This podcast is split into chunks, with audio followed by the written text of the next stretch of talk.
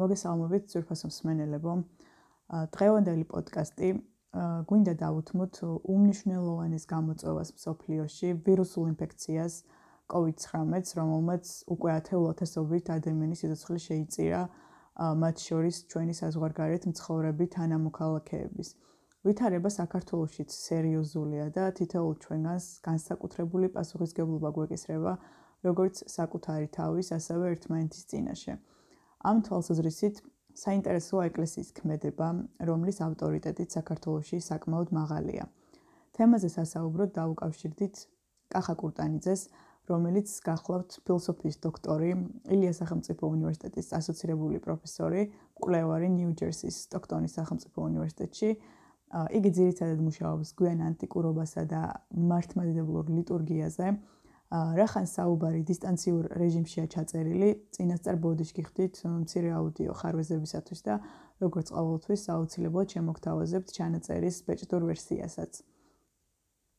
აა პირველ რიგში ზიარების თეოლოგიურ დანიშნულებაზე რო გითხრათ, ანუ რამდენად გამორიცხავს აა თეოლოგიურად ზიარების გააზრება, გადამდები და ავადებების გავრცელებას თვითონ პროცესში ამ რიტუალის მიმდინარეობისას.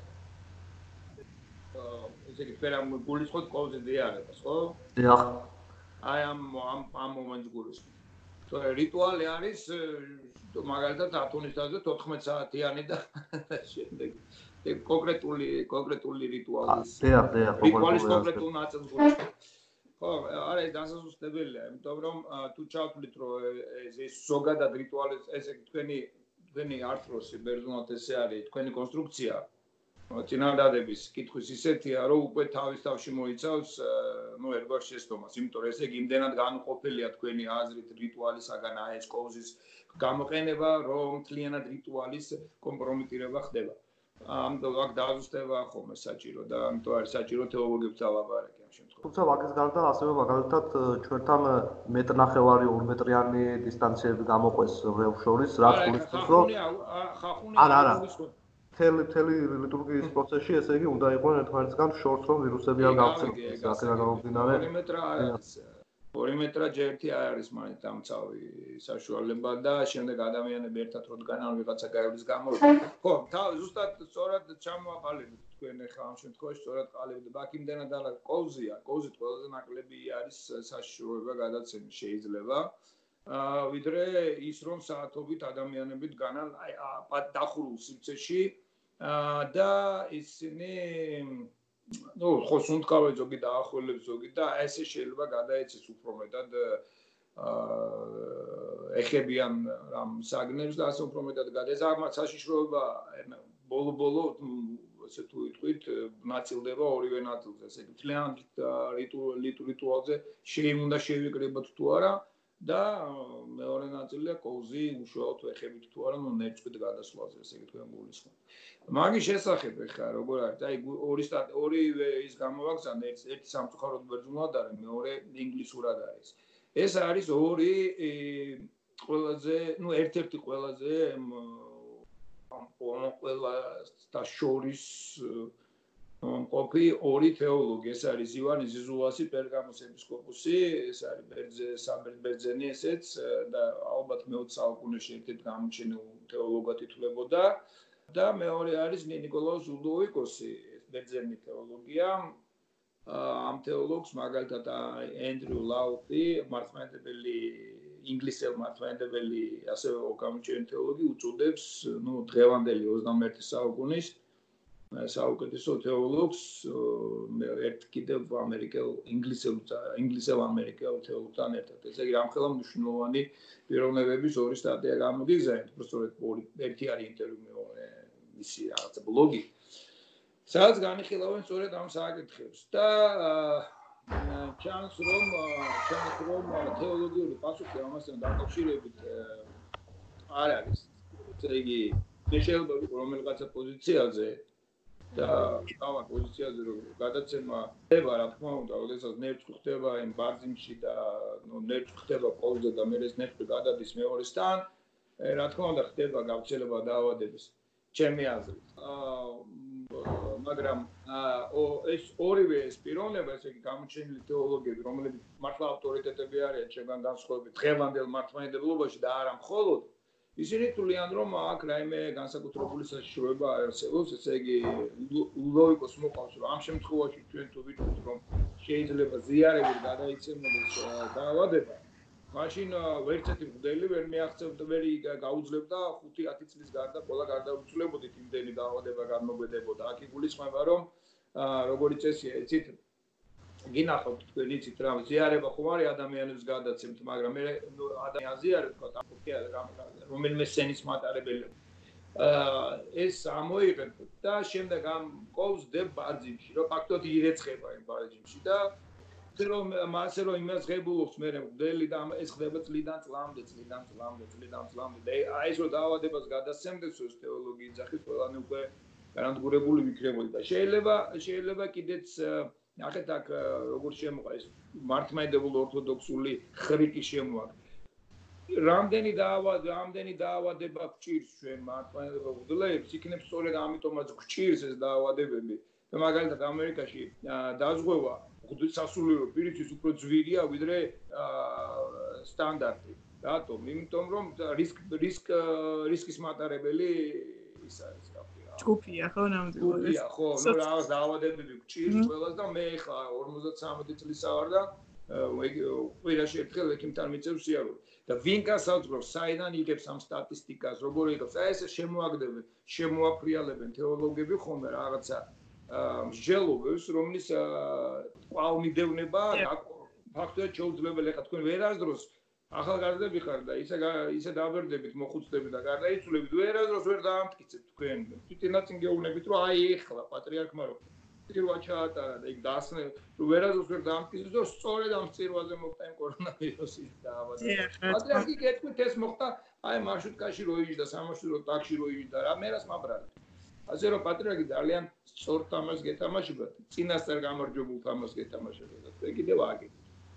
კი ბატონო, კახა, მაინტერესებს ზიარების წესის ცვლილება, ამ თქვა დროებით შეჩერება ესეთ პროცესებში, ანუ რამდენად გამართლებულია თეოლოგიურად და ეკლესიას თუ აქვს შესაძლებლობა რომ ეს ნაბიჯი გადადგას და ითქვას რომ კი ეკლესიას ეკლესიას თქვი მან შეუძლია აკრძალოს ეს სანთელი და მეორე დღეს შემოიგოს რომ სანთელით უნდა დაიწვა თავი ან რა ვიცი მსგავს. თორის ყვანებს ფერცა შეიძლება ღმერთი კარგი პირველი რომ დავამთავროთ ესე იგი თვითონ ტრადიციაში მაგალითად თუ გადაშკით ქართულ კონტექსტს და ხუთულის კითხვა თუ ვინმე იცის იცის ალბათ აი ნახავთ თუ როგორ და მე თვითონაც გეუბნები როდესაც ვინახავთ ამ უკვე სისხლდა ხორცს რო ეძახით შეიძლება გვინო დაძმარდეს იმას ობი მოეკიდოს დარაგანამ შეჭამოს ვირთხამ წაიღოს და ძაღლის შეშობა მაგალითად არ შეიძლება ეკლესიაში მაგრამ კატის შეიძლება რატო? იცი კატა თაგვებს დაზის და თაგმა ასე შემდეგ.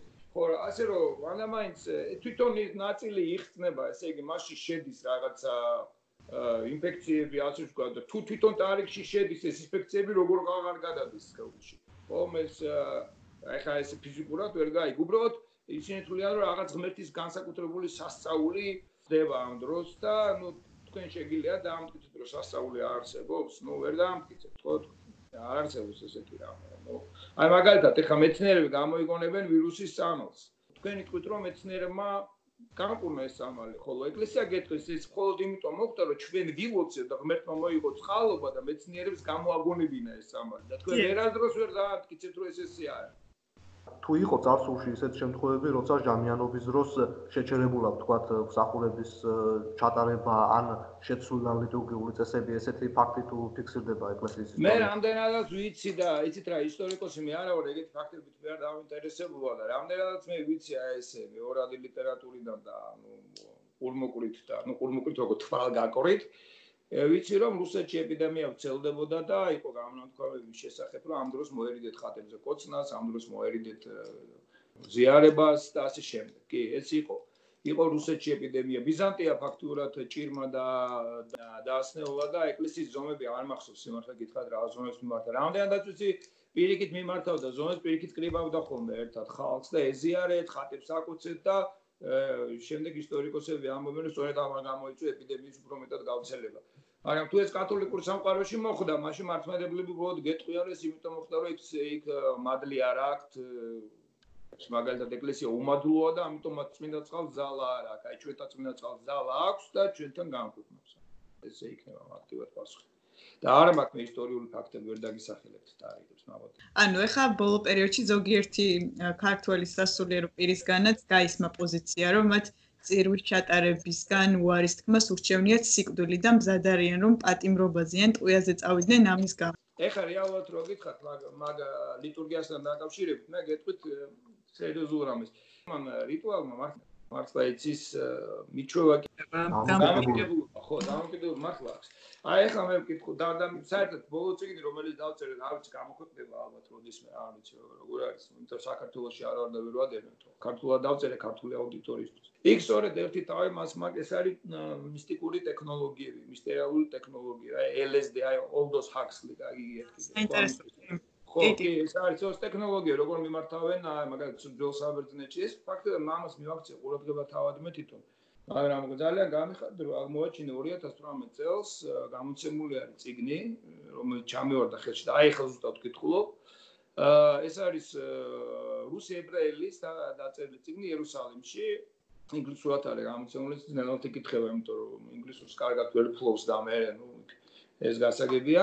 და იქ არის დეტალური ანგარიშია, ესე იგი საოცარი ციგნია, უბრალოდ რა საოცარი ციგნია, სწორედ ქვია ესეთი ცნობიერების სვლა, ტექნოლოგია. თან ეს სიტყვა ტექნოლოგია მე თვითონ მოვიგონე და სწორედ ტექნოლოგიას არქო. ეს არის ესეთივე ტექნოლოგია, როგორც აი ექსტაზის გამოწვევის, მისტიკური განცდის გამოწვევის და ბაზა არის ის, რომ ადამიანის გონებას ამის უნარი გააჩნია. ყველა ადამიანის twins აქვს გარკვეული ფიზიკურად აქვს, თუ მატერიალურად აქვს უნარი ადამიანს რომ რაღაცა მდგომარეობაში რაღაცა ხედვები და რაღაცა გრძნობები და რაღაცა მისტიკური განცდები აწარმოოს ადამიანში. ეს არის ხეულიდან ძირთად სამი ტიპის არის, ეს არის ხეულიდან გამოსვლა, ეს არის სიკვდილის მომიჯნავე განცდები და მესამე პირველი არის უთავრესი რაც არის ეს არის მისტიკური განცდები, როდესაც ადამიანი აი გძნობს, რომ ხო, სამყაროსთან ერთიანობას რომანტიკული გასწრო, მე და სამყარო ერთიანები ვარ, მე ვარ წვეთი ოკეანეში და ასე შემდეგ. და ეგ არის ეს ტექნოლოგიები თუ როგორ იყენებდნენ ამას ძველი ბერძნები განკურნებისთვის იმისთვის და ეგ ზუსტად ეწოდებოდა სიტყვა მეტანია, ცნობიერების ცვლა. ცვლა, როდესაც ადამიანში მართლა ხდებოდა მეტანია ქართულად რო ითარგმნება სინანულად და შეინაეთ რამით მოახლოვესაც უბრალოდ ეს სიტყვა მეტანოია იხმარებოდა ძალიან დიდი ხნით ადრე კიდევ ბერძნულში და ნიშნავს გონების სვლას. ესე გონება გეცვლება. მთლიანად ადამიანი სხვანაირად უყურებს სამყაროს აი ამ მისტიური განცდის მერე. მაგრამ ამ ბოლომდე მისტიური ეს არის მისტები, ეს არის დიონისო რიტუალი, ელექსინიანები და ყველაფერი და მაშ მაგრამ ადამიანები ვერ აღწევენ ხოლმე აი ამ განცდას ნუ სრულად ყველას გვაქვს ეგეთი დაახლოებით განცდები. ჩვენ უბრალოდ ათ არის ინტენსივობა. ზოგჯერ აღწევენ ადამიანები მაგრამ აი სწორედ ის ადან რამდენად უფრო მეტად მიაღწევ დაახლოებით ესეთ განცდას ეს განცდა იწევს ადამიანში სულის რო კიდევ მსგავსი განიცადო თორე ის გაივლება და ადამიანმა შეიძლება დაკარგო ეს გონება შეიცვალო მაგრამ შემდეგ ისე უკან დაბრუნდეს და ამიტომ ადამიანები რომელიც აი ესეთ რიტუალებში ღებულობენ მონაწილეობას და ამ წიგშიც და სხვა წიგნებშიც და სხვა გამოცდილებებში არის უკვე მნიშვნელობა აღარ აქვს შენ რეალ შენ წამს თუ არა ის რელიგია და წამს თუ არა ეს რიტუალის ეფექტურობა უბრალოდ რიტუალის უნდა წამდეს თვითონ რელიგია რომელიც საზღვრებში ან მითი ან იდეოლოგია რომელიც საზღვრებში ეს მუშაობს წამს თუ არა მაინც ადამიანი მაინც ტექნოლოგია მაინც მოქმედებს ადამიანზე მაინც და უბრალოდ ეს ფაქტორი შენ რო წამს ეს ძალიან აძლიერებს მას და მის ეფექტურობას ძალიან ზრდის მაგრამ არ განსაზღვრავს. ადამიანი განსაზღვრავს თვითონ ტექნოლოგია. და მართლმადიდებელი ლიტურგია გვინდა ეს თუ არ გვინდა და ეს არის აბსოლუტური ბუნებრივი გაგრძელება აი ამ ბერძნული მისტერიების თეატრის.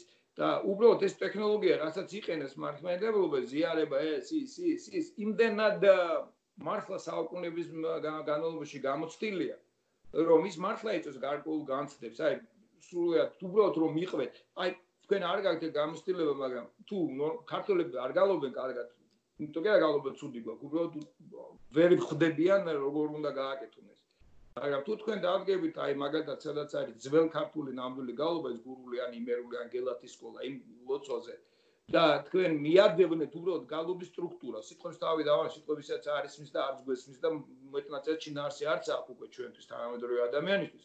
აი თვითონ ის მელოდიის სტრუქტურა თქვენში გამოიწვევს გარკვეულ განცდებს. ეგეთი განცდები გეუქმება თქვენ, როდესაც მაგალითად მრავალ ჟანრს უსმენთ, ან მაგალითად დინამო თბილისი რო გოლს გაიტანს და ხალხი ვახტება და თქვენ თქვენ self-ს კარგავთ და იმ მომენტში იმ გოლის გასული თუ ხალხში ხართ რა განსაკუთრებით აა ნუ ეგ თქვენ თაობას ნაკლებად აქ გამოსული მე ჩემ თაობას აქ გამოსული ხო დინამო სტადიონზე ან როდესაც მიტინგზე ხარ რატო გარბიან ქართველები მიტინგზე და რატო უყვართ მიტინგზე აა გავგიმარ ჯოს ჯოს ჯოს ჯოს და ეს იწვევს ადამიანში გარკვეულ ექსტაზურ ამდგომარეობას ხო და ბოლო ბოლოს გენატრება ადამიანს მართლა და ხდები ადიქტი შეჯდები ამაზე ამიტომ ეგ ადამიანები გულწრფელები არის როცა ამბობენ ულუტროგიოდ როგორ ვიქნები ისევ მასობრივ შეკრებებზე რო ვისაუბროთ, ანუ სახელმწიფომ ფაქტიურად აკრძალა ესეთი ვითარება გვაქვს მასობრივი შეკრებები, თუმცა რეალობა არის ისეთი, რომ ეს არ ვრცელდება, ასე ვთქვათ, ეკლესიაზე ეს როგორც თვითონ თავადვე განაცხადეს და თვითონ ეკლესიის პოზიცია, რომ არის თვალისწინებს, ვთქვათ, ამ სახელმწიფოს რეკომენდაციას თუ აკრძალვას, რაც მასობრივ შეკრებებს ეხება, რამდენად ჯდება საერო და სასულიერო ხელისუფლებების ურთიერთობის ქრისტიანულ ხედვაში. პუნქტების თამაშია მეგობარო, მეტი არაფერი. ვინ გადაძალავს ვინს და მე ამ ვინ უფრო ძლიერი აღმოჩნდება პოლიტიკურად. ძალაუფლების თამაშია, მაგრამ მეტი არაფერი. ა არავით არის დოგმატურია. უბრალოდ გადა აქ აბსოლუტურად სისულელია ლაბარაკი ბოლბოდიში თავს თქოსე მაგრამ აი მე თეოლოგიურ და წიავსლები ბიზანტიას და ბიზანტიური სიმფონია არის თუ თქვენ სეკულარული სახელმწიფო არ არის სეკულარული სახელმწიფო და რაც გინდა გინდა აი მასში წერეთ რა ქვია კონსტიტუციაში შეგიდა კონსტიტუცია გვაქვს ტუალეტის ქაღალდებით ხანის ერთულით ხანას ერთულით რა. როგორ და როგორ რომელი პარლამენტის მოვა ისე გადაჭრის გადმოჭრის და თვითონვე არასრულებს მე იმ კონსტიტუციას. კონსტიტუცია ეს ფაქტობრივად ამერიკაში ამ დასავლურ ქვეყნებში მათი სისხლით მონაპოვარია მათი ბრძოლით მონაპოვარია მათი ინტელექტუალური ძალისხმევით მონაპოვარია მათი რისკით მონაპოვარია და ამ კონსტიტუციის ასე ვთქვათ საკრალირება ამერიკაში ბავშვობიდან ვიწყება ეს კონსტიტუცია მართლა ხელშეუხებელი რაღაც ბიბლიასავი და როცა კონსტიტუციის მიმართ გაქვს დამოკიდებულება ეს არის რამ რამ იმ პარტიის მიერ გაკეთებული ეს მოგეთ საზოგადოებრივი ცნობიერების დონის ამაღლებასთან არის დაკავშირებული რა კანონზე ვლაპარაკობთ? რომელ კანონზე ვლაპარაკობთ? საიდამოთან კანონზე ვლაპარაკობთ და ვინ არის კანონის განმარტებელი ხემდე გადააობენ თეოლოგები ბიზანტიური სიმფონია საუკეთესო იყო თუ არ იყო საუკეთესო ვარიანტი რელიგიისა და იმის თანაცხოვრების, რა ქვია, ნუ პოლიტიკურ ძალაუფლებასთან თანაცხოვრების. აი სამხრეთ კორეის მაგალითი წოქონდა მაგალითად ან თუნდაც ირანის. აი როგორ შეიძლება ვთქვა საქართველოსში მრევლი რო დაგვეცვა და აი სამომავლო თქვა ეპიდემიური აფეთქებისგან თავდაცვა რო შეგვითავაზებინა. აი თქვა რისი გაკეთება შეიძლება ეგრეა სამდგომარეობის თავიდან ასაცილებლად. აი ეს დრამა არის ორი ნაწილი. აი ახლა ზიზულაცი რო ვახსენე, რომელიც 85 წლის არის ახლა და მე 20 საუკუნის აი თუ ნახავთ თქვენ გამოცემულ მე 20 საუკუნის მე ვასწავლდი უნივერსიტეტში ერთი წლის განმავლობაში მე 20 საუკუნის თეოლოგიას და სადაც ნუ თელი თეოლოგია იყო, არა მარტო მართლმადიდებლური, არამედ ყველა, ნუ რაც არის თეოლოგია, რასაც ქვია. ნუ ქრისტიანული ქრისტიანული თეოლოგია და იქ არის სახელმწიფო და თქვენ თუ ნახოთ სახელმწიფო არც სახელმწიფოებში თითქმის არ არის დიდი სახელმწიფო ორტომიანი, სამტომიანი ზოგი და არცად არ არის შესული მართლმადიდებლობა. და თუ არის შესული მართლმადიდებლობა, არის ძალიან ერთგან არის მარტო. ნახე ძალიან მცირე პასა, მცირე თავი არის და იქ არის აი ეს ივანე ზიზულასი წარმოდგენილი რა, ესე ივან მოსკი და ივანე ფროლოვსკი და ივანე ზიზულასი.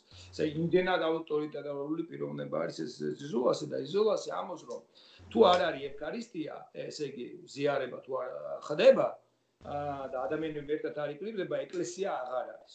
აი აგამბენიც მაგალითად მე წინაზე კონდექს ჩატა აგამბენიც მაგალითად ჯორჯო აგამბენიც ამბობს რომ ეკლესია ხმას ვერ იღებსო და ესე იგი აკრძალოს რომ დაექვემდება პროექტ მას ბიოპოლიტიკა აგამბენის ბიოპოლიტიკა შესაძლებელი და state of exclusion ამბობს რომ exception state of exception როდესაც ადამიანების გარკვეული ჯგუფი გამარგინალებულია და სახელმწიფოს state of emergency biopolitics ამაზე რომ ლაპარაკობს იგი ნასვავს კიდე ეკლესია რატომ არ იღებს ხმას? მისი არსი სწორედ იმაში მდგომარეობს რომ აი ამ ეპიდემიების და მის დროს მან თავიანთი ხმის უხმოდ კი არ დაემორჩინოს პოლიტიკურ ძალაუფლებას ამას რაღაცა შესთავაზოს ისეთი გამოსავალი თეოლოგიური გამოსავალი შესწავლა და ვერავინ ვერ თავაზობს ეკლესია ხედავთ რომ ვერ თავაზობს თეოლოგიურ გამოსავალს. ამასთან ერთად აა არის ესეთი საკითხი რა რომ დგება მაგალითად ღვდელს ამერიკაში ესია რომ ღვდელმა გალობელთან ერთად უნდა შეასრულოს ლიტურგია. და მრევლი უყურებს ან ვიდეოთი ან ნუ სახშიზის მაგრამ ეკლესიაში ლიტურგია უნდა ტარდებოდეს. აი აქ ლიტურგოლოგები მართმენდებელი რომელიც თვითონ ბერძნების სკოლაში ასწავლის სკოლაში კი არა ნუ უნივერსიტეტში კოლეჯში თეოლოგი ჩემი მეგობარია ის აღშფოთებული ამითი იმიტომ რომ თუ ხალხი არ არის ევქარისტიის ჩატარება არ შეიძლება იმიტომ რომ ლიტურგია თავის თავში გულისხმობს ერთად ქრისტეს სხეულის შედგენას. მაგრამ ამას წერდა მაგალითად შმემანი ამის შესახებ მაგალითად ეხლა რომ შერაცხეს სოფრონის ახალოვი არქიმანდრიტი სოფრონის ახალოვი ბერი სილუანის სულიერი შვილი რომელიც ბერი სილუანზე დაწერა ცხოვრება ეს ადამიანი ახლა შეასხეს წმინდანად. 1995 წელს მისი ნაწარმოები მეთარგმნე ქართულად. და არ დაბეჭდეს მაშინ მე ვინ არის ეს შერა სახაროვი მოყავს მაშინ პირველი ანდრეი სახაროვი იყო ჯერ კიდო და მეჩხუბენ ეკლესიაში და საეროს მაშინაც ფეხებზე ეგიდა და უშე 25 წლის მერე აღმოჩნდა რომ ეს კაცი წმინდანია და ძალიან საჭიროა ხე ციგნი დევს რაღაცას და ვიღაცები აკვირნებენ ნუ თარგმნი მისი დინ ნაწილი. და იქ სწორედ ერთ-ერთი თავი სწორედ მაგ თავის სპეციალურად ამოვიგე მე და ვთარგმნე სადაც ის ლაპარაკობს რომ ის მარტო ატარებდა წირვას ათონისტაზე და ეს პრაქტიკა ათონისტაზე იყო დიდი ხნის განმავლობაში მარტო ჩაატაროს წირვას. შეიძლება მართმენდები ძახიან რომ კათოლიკე მღვდლებს შეუძლიათ მარტო ჩაატარონ წირვა და ეს არის მართლმადიდებლური ტრადიცია და ეს არის სწორი მართლმადიდებლური თვალსაზრისით. მაგრამ ეს ავტორი სოფრონ სახაროვი ამბობს რომ მეო ვატარებდიო და მაგლის ნაკლებობა არ მიგძვნია არასდროს. ეს პრაქტიკა იყო მარტო ღვდელს და არის გრძელდება ტონის თავზე რომ მარტო ღვდელს შეუძლია შემატაროს წივა რა შეიძლება ზიარებასთან დაკავშირებით აი 50-იან წლებში მე 20 საუკუნეში და აქ მაგ მქონდა ციგნი ბერძნული ციგნი და გაუგზავნე ჩემ მეგობრებს აწყდა უდიდესი დავა იმის შესახებ შეიძლებოდა თუ არა რომ შეიძლებოდა თუ არა რომ ადამიანი ზიარებულიყო თუ არა სამჯერ მეტჯერ წლის განმავლობაში თუ ერთხელ უნდა ზიარებს სერბეთში აგეთ ერთხელ ზიარების ნება თვალყამ და ატყდა ერთი ამბავი და 60-იან წლებში 70-იან წლებში ძლივ ძლივ და ანტიცოდ ძველად თურმე რაც შეიძლება უფრო ხშირად ეზიარებოდნენ და მრევლი რომელიც ესწრებოდა ლიტურგიას ის აუცილებლად უნდა ზიარებულიყო.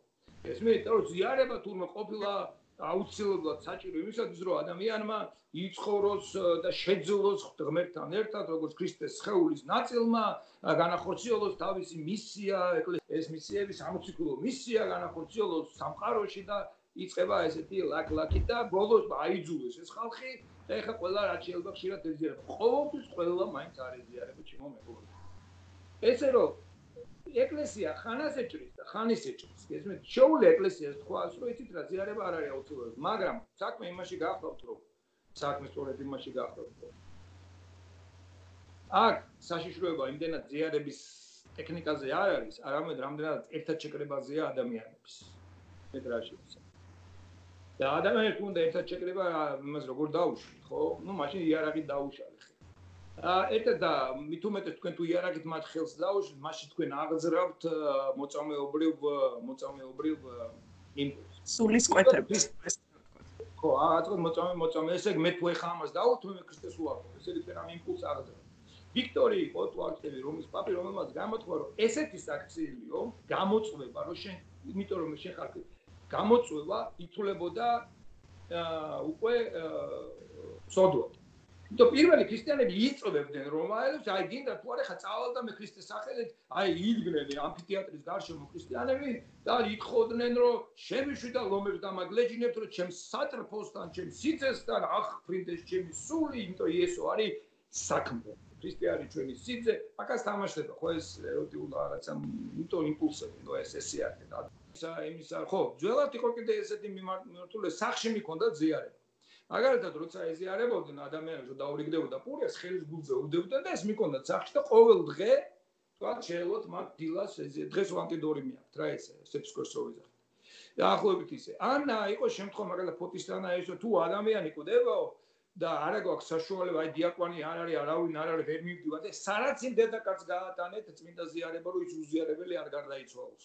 ესე იგი ნიშნავს სარაცინ ნიშნავს მოუნათლავ მოუნათლავი ხალი რა არის ხო ну ბიზანტიისთვის და ну მაშინდელი ქრისტიანები და მე სარაცინი ხა ო ეს საერთოდ ესე იგი არ არაობას გაატანეო რა რომელსაც შეიძლება მისტრუაცია აქვს იმ დროს და მისტრუაცია არ შეიძლება ეკლესიაში შევიდეს მაგრამ თუ საქმე ეხება ადამიანის სიკვდილს გაატეზე შეუძლია მაგალითად იაკობის ჟამის წირა ყველგან ტარდება მე ჩამიტარები ოცა საბერძნეთში ვიყავი და ესე ტარდება ნუ ის აწობენ შიგნით ბარძიმში იმას რა ქვია პურს პურს და აძლევენ ადამიანს პირდაპირ ზოგი პირში უდევს იმიტომ ეს ისია ზოგი ხელებში აძლევს თუ მარტო პურს აძლევს და მე საერთო ბარძიმიდან ალევინებენ ასმევენ და ასე შემდეგ რა ყველანაირი წესი ყველა ატარებს საქართველოს გარდა იმიტომ ზაგორსკში არისო. მაშინ როცა ქართველები სწავლობდნენ და ახლა ზაგორსკში ეგარ ხდებოდა ეხლა საქართველოსში არ ხდება და შესაძლებლობები უამრავია მეგობრო რა თავარი ის არის რომ ადამიანები მა ერთ სისხლს და ხორცს ეზიარონ მარია ეგვიპტელი ცხოვრებაში მხოლოდ ერთხელ ეზიარა. 40 წელი უდავნოში იყო და მე ეზიარა. შენ აუცილებლად უნდა რაღაცნაირად ქრისტეს სისხლთან ზიარები და ხორცთან ზიარები უნდა ამფრთხილო შეხარ იმ საერთო ქრისტეს ხეულის ნაწილი.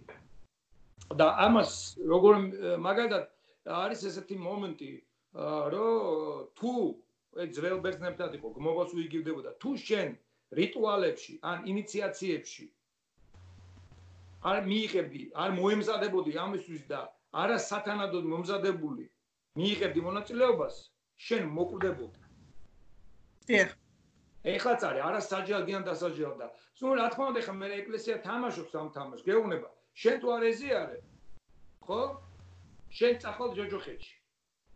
და ოღონ თუ ეზიარე და შენ არ ახარ აა ღირსი მომზადებული, შენ უარე ჯოჯოხეთში წახვალ. ეხლა წარმოიდგინე მორწმუნე ფსიქოლოგია რა დღეში ვარდება. ვარდის სახელი ხო გახსოვთ ვარდის სახელი? უმბერტო ეკოს როგორ არის გახსოვთ ერთი ჰომოსექსუალი ბიჭი რო იყო რო გამოვიდა ჯუჯუხეთი ვიხილეოდა თავს რო იკავს გახსოვთ რატო? იმიტომ რომ შეაშინებენ შენ ჯოჯოხეთში მიდიხარ შენ ჯოჯოხეთში მიდიხარ შენ თუ და როგორ პრესს უკეთებენ ადამიანს? როგორ შუთელი შუა საუკუნეები დახატენ ვარჯის სახელში ხო? ეს ეს მდგომარეობა და თან ფსიქოლოგიურად როგორ არის? ციტა ეს კვლევაც აჩვენებს. როგორ ხაცაც უხაცა უხატავ ადამიანს იმ ხაც ხედავს აი ამ მისტიური ჭრეტის მაგალითად ბუდისტი ხედავს ბუდას, ქრისტიანი ხედავს ქრისტეს, ასე ამობს რა ეს და თუ მაგალითად აქცენტს აკეთებ ჯოჯოხეთის ჯოჯოხეთის ცეცხლზე, ადამიანი აი ამ მისტიკური ჭრეტის დროს მე ვარ ერთ-ერთი მათგანი. აი რაღაც აი ესეთი განცდის დროს შეხედავ ამ ცეცხლს. საშინელი განცდა მე მე მეწუნეთ. კატასტროფაა ეს. ამ სამი დღე შოქში ვიყავი, ჩავარდი. ეს იმიტომ რომ შემოგცნობიერმა ამოაგდო ეს ხატი. წარმოიდგინეთ როგორ ყავთ დაჭერილი ყურებით მრევლი და თქვენ ამბობთ რომ ეს მრევლი ბრმა უბრალოდ მათ მათ ცნობიერებაზე თქვენ თქვენმა წინათაობამ და თქვენ მიეცით საშუალება აი ესეთი манипуლირები ეკეთებინათ ამ საცოდავი ხალხისთვის. ეს ვიტრაშია საქმე. და როდესაც გამოვიდნენ მამაოები და მღვდლები და ვეგაცეები რადვინუტებმა ჩააქოლინეთ ეს მღვდლები. მე რატო არ ამერიკაში? იცით რატო არ ამერიკაში? ხელფასი მყოფნიდა მარტო 10 დღე. 10 დღე. 20 დღე. ქონდა 3 ლარი. ვიყავი პროფესორი, ვიყავი მღვდელი, ვიყავი ის. ვუყურებთ და ვინ გამომაგდო იცით ეკლესიიდან? არა პატრიარქმა, არა მამა ალექსანდრე. არამედ მრევმა.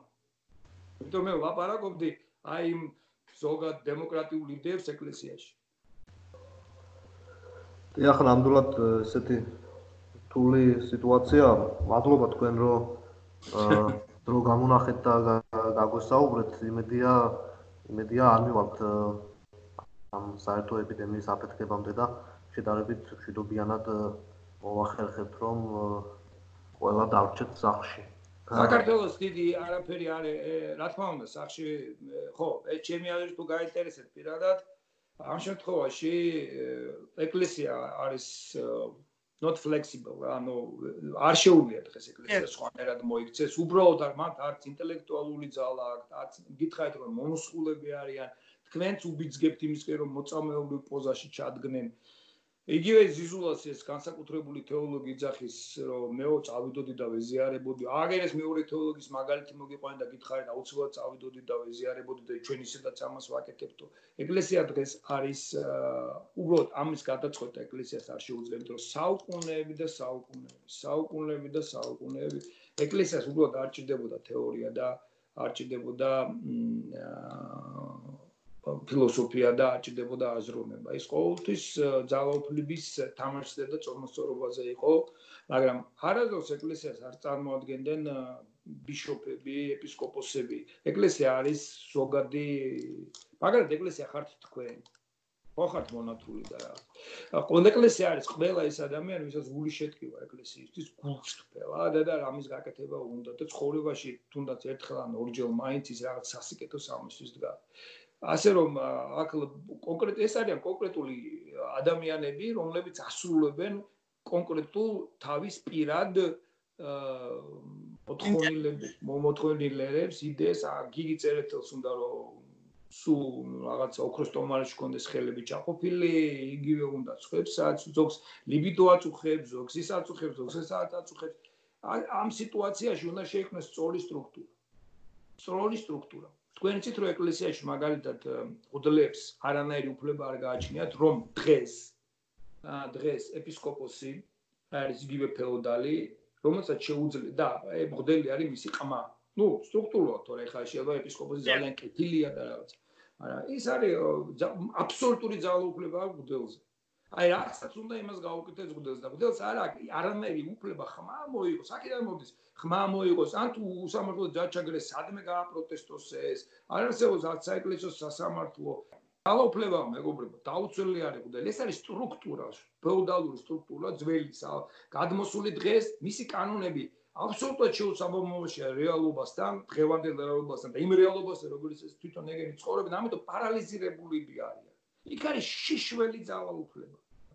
ეს პრობლემაა ძალაუფლებს, სულ ძალაუფლება თამაშობს და ჩვენ უნდა შექმნათ ისეთი სტრუქტურები, თქვენ მაგაზე გავნა პოზიციარება, არზიარება. ხო, ეს არის სისტემა, როდესაც კომპიუტერი აგიმუშავდება, ცუდად რო სულ ჭედა, ხანი გაჭედა, ხანი გაჭედა, ხანიც გაჭედა.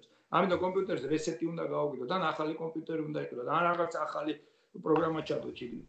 ეს მე რა შეიძლება, მე თუ სხვანაირად არ იმუშავებს. ესევე აი ამაზე უნდა კონცენტრირდეთ. კონცენტრირდეთ თუ როგორ შეიძლება ეკლესიის სტრუქტურა მოეწყოს ისე, ან სახელმწიფოს და ეკლესიას შორის კანონებში როგორ გაიწეროს ის ისე, როგორ იქნებიან დაცულები ღუდლები, როგორ იქნებიან დაცულები მაგალითად დიაკვნები, როგორ იქნება საერო ადამიანის ხმა, გასაგონი და გაგონებადი თავად ეკლესიაში. კი ბატონო, ძალიან დიდი მადლობა, საინტერესო იყო ნამდვილად თქვენთან საუბარი და ორ წელიწადში ვაპირებ მე დაბრუნება საქართველოს აქ მოქალაქეობა. ეხლა გუში წინ უნდა მიიღო მოქალაქეობა და ჩაიკეტა ყველაფერი და მოქალაქეობას რომ მივიღებ, ჩამოდივარ საქართველოს ორ წელიწად შეიძლება ჩამოვიდე. და ვაპირებ ილიას უნივერსიტეტში ლექციების საკითხს და ერთ-ერთი ლექციის კურსი ალბათ იქნება სწორედ ეს. კი ბატონო, ძალიან საინტერესოა და გელოდებით იმედია ჩქო. კი, კი, მელოდებით და მე მაშინ ვშილეთ, მაგრამ უკან გამოვარდები. იმედია ინტენსიური ეკონომიკა გვექნება, რომ ეგ არ მოგიწევთ. ძალიან დიდი მადლობა. კარგად ზანდებოდეთ. კარგად იყავით.